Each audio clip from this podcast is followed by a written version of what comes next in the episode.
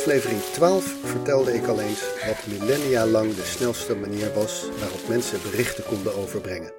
Dat was per paard, over een goed onderhouden weg, waar langs elke 20 kilometer een post stond met verse paarden.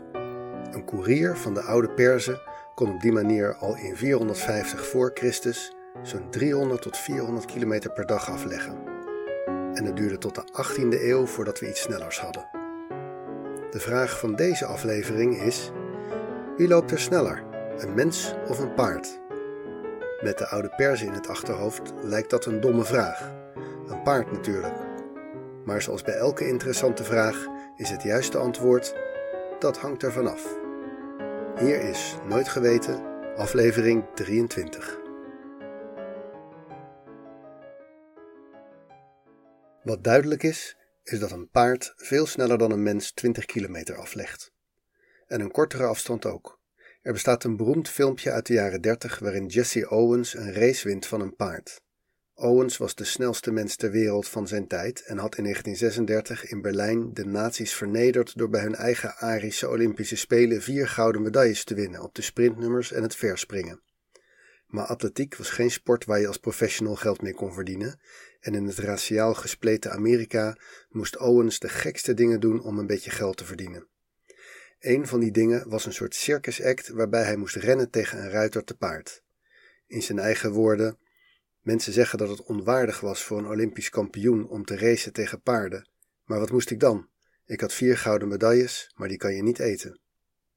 Hoe dan ook, om die races spannend te houden, kreeg Owens altijd 40 meter voorsprong op het paard voor een sprint van ongeveer 100 meter.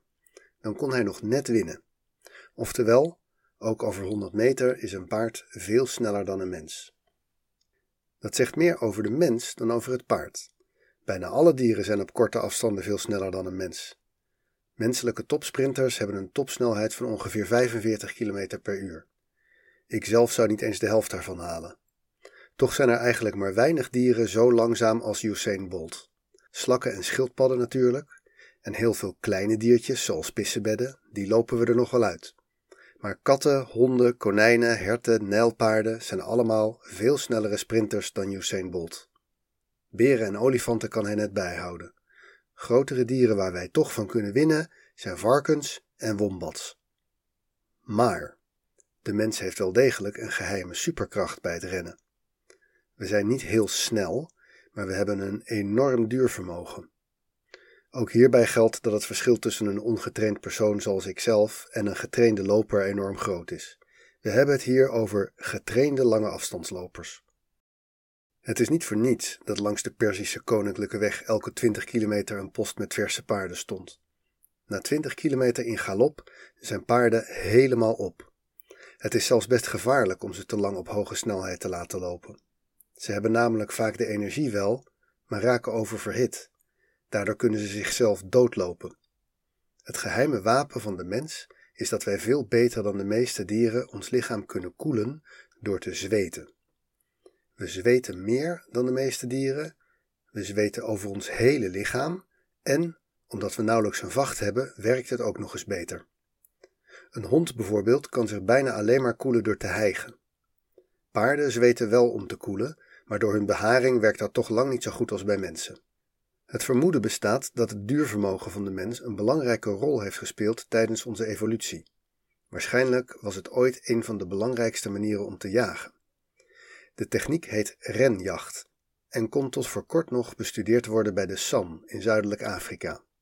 Inmiddels zijn er waarschijnlijk geen San meer die op deze manier jagen. Er zijn sowieso niet meer zoveel San over die nog leven als jager-verzamelaar.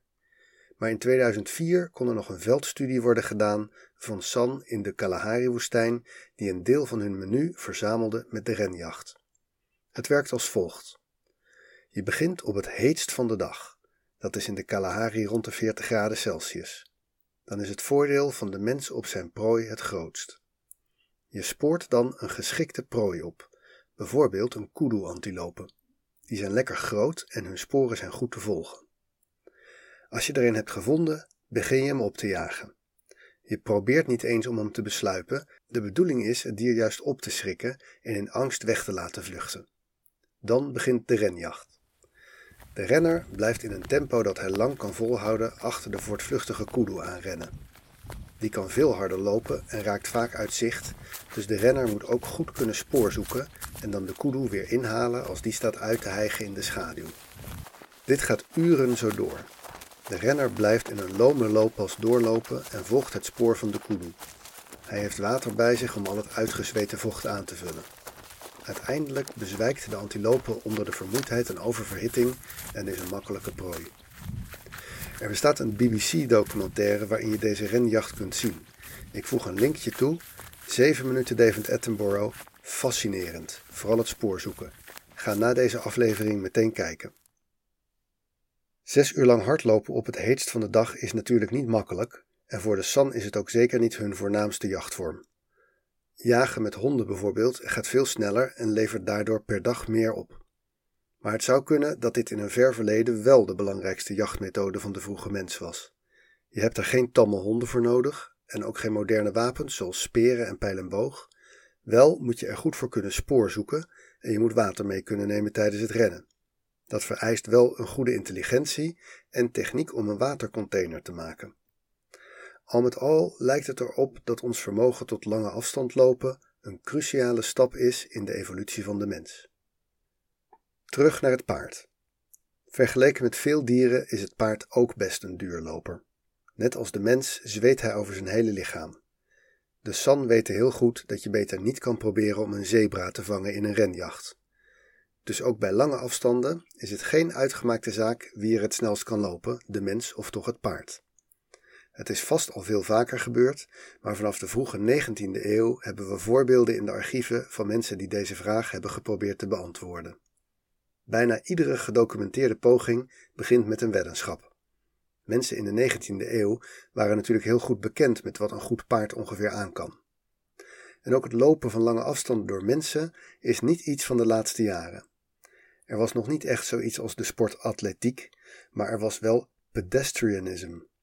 Het was niet echt een sport met officiële wedstrijden en records en zo. Het was meer vermaak.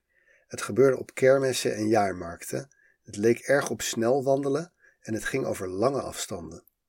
Er konden grote cashprijzen mee worden gewonnen. Op de kermis werd dan een soort kleine atletiekbaan opgezet waar rondjes werden gesnelwandeld. Daar werd dan met grote inzetten op gegokt. De typische wedstrijd ging over 100 mijl, dus 150 kilometer. Maar het was heel divers.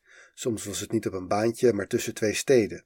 Soms moest je echt snel wandelen, maar je mocht meestal ook soms een stukje joggen om de spieren los te maken. Op de lossere events mocht er ook gehuppeld worden, of zelfs gerend. In Engeland, maar vooral in de Verenigde Staten, waren dit echt grote publieks-events en hoe verder, hoe beter.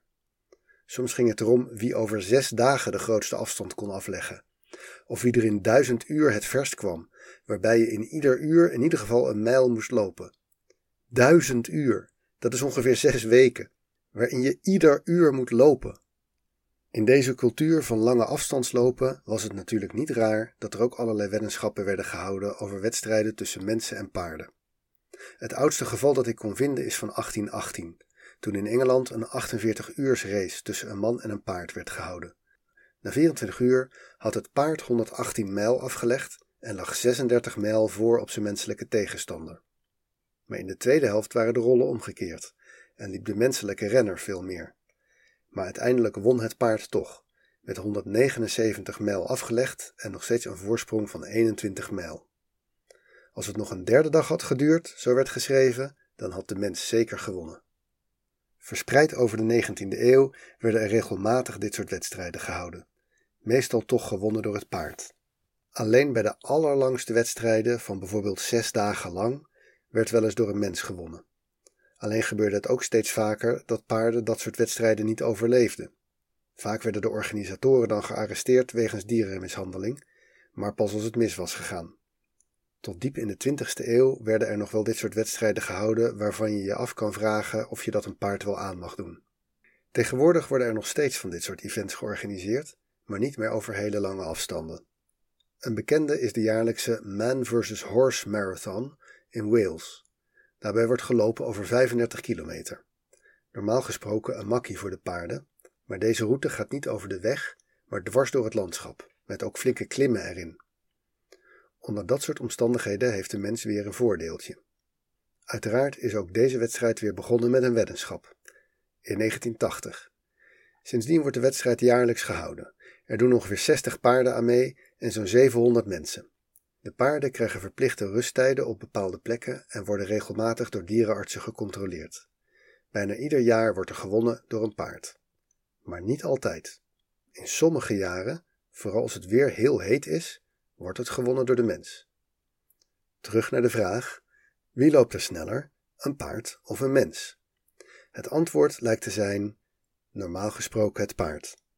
Mens en paard hebben allebei een enorm duurvermogen. Het paard is veel sneller, de mens houdt het nog wat langer vol. Onder heel specifieke omstandigheden, zoals extreem lange afstanden en heel heet weer, dan kan de mens winnen. Maar normaal gesproken is het paard toch gewoon de baas. En dan heeft het paard bij dit soort wedstrijden natuurlijk ook nog altijd een mens op zijn rug. Dit was een aflevering van Nooit Geweten. Nooit Geweten wordt gemaakt door mijzelf, Teun Duinstee, en is een hommage aan Wikipedia. De meeste informatie die je hebt gehoord komt daar vandaan. Dank aan iedereen die daaraan heeft bijgedragen. In de show notes vind je links naar een aantal artikelen op Wikipedia, een stukje BBC-documentaire over de renjacht bij de San en informatie over de gebruikte muziek. Als je een mooi verhaal kent uit kunst, literatuur, geschiedenis, wetenschap, wat dan ook eigenlijk, waarvan je denkt dat het zou passen in deze podcast, stuur me dan een berichtje. Oh, wat ook altijd fijn is, is een positieve beoordeling. Kijk even in je podcast-app of waar je dan ook luistert of dat daar kan. Heel erg bedankt.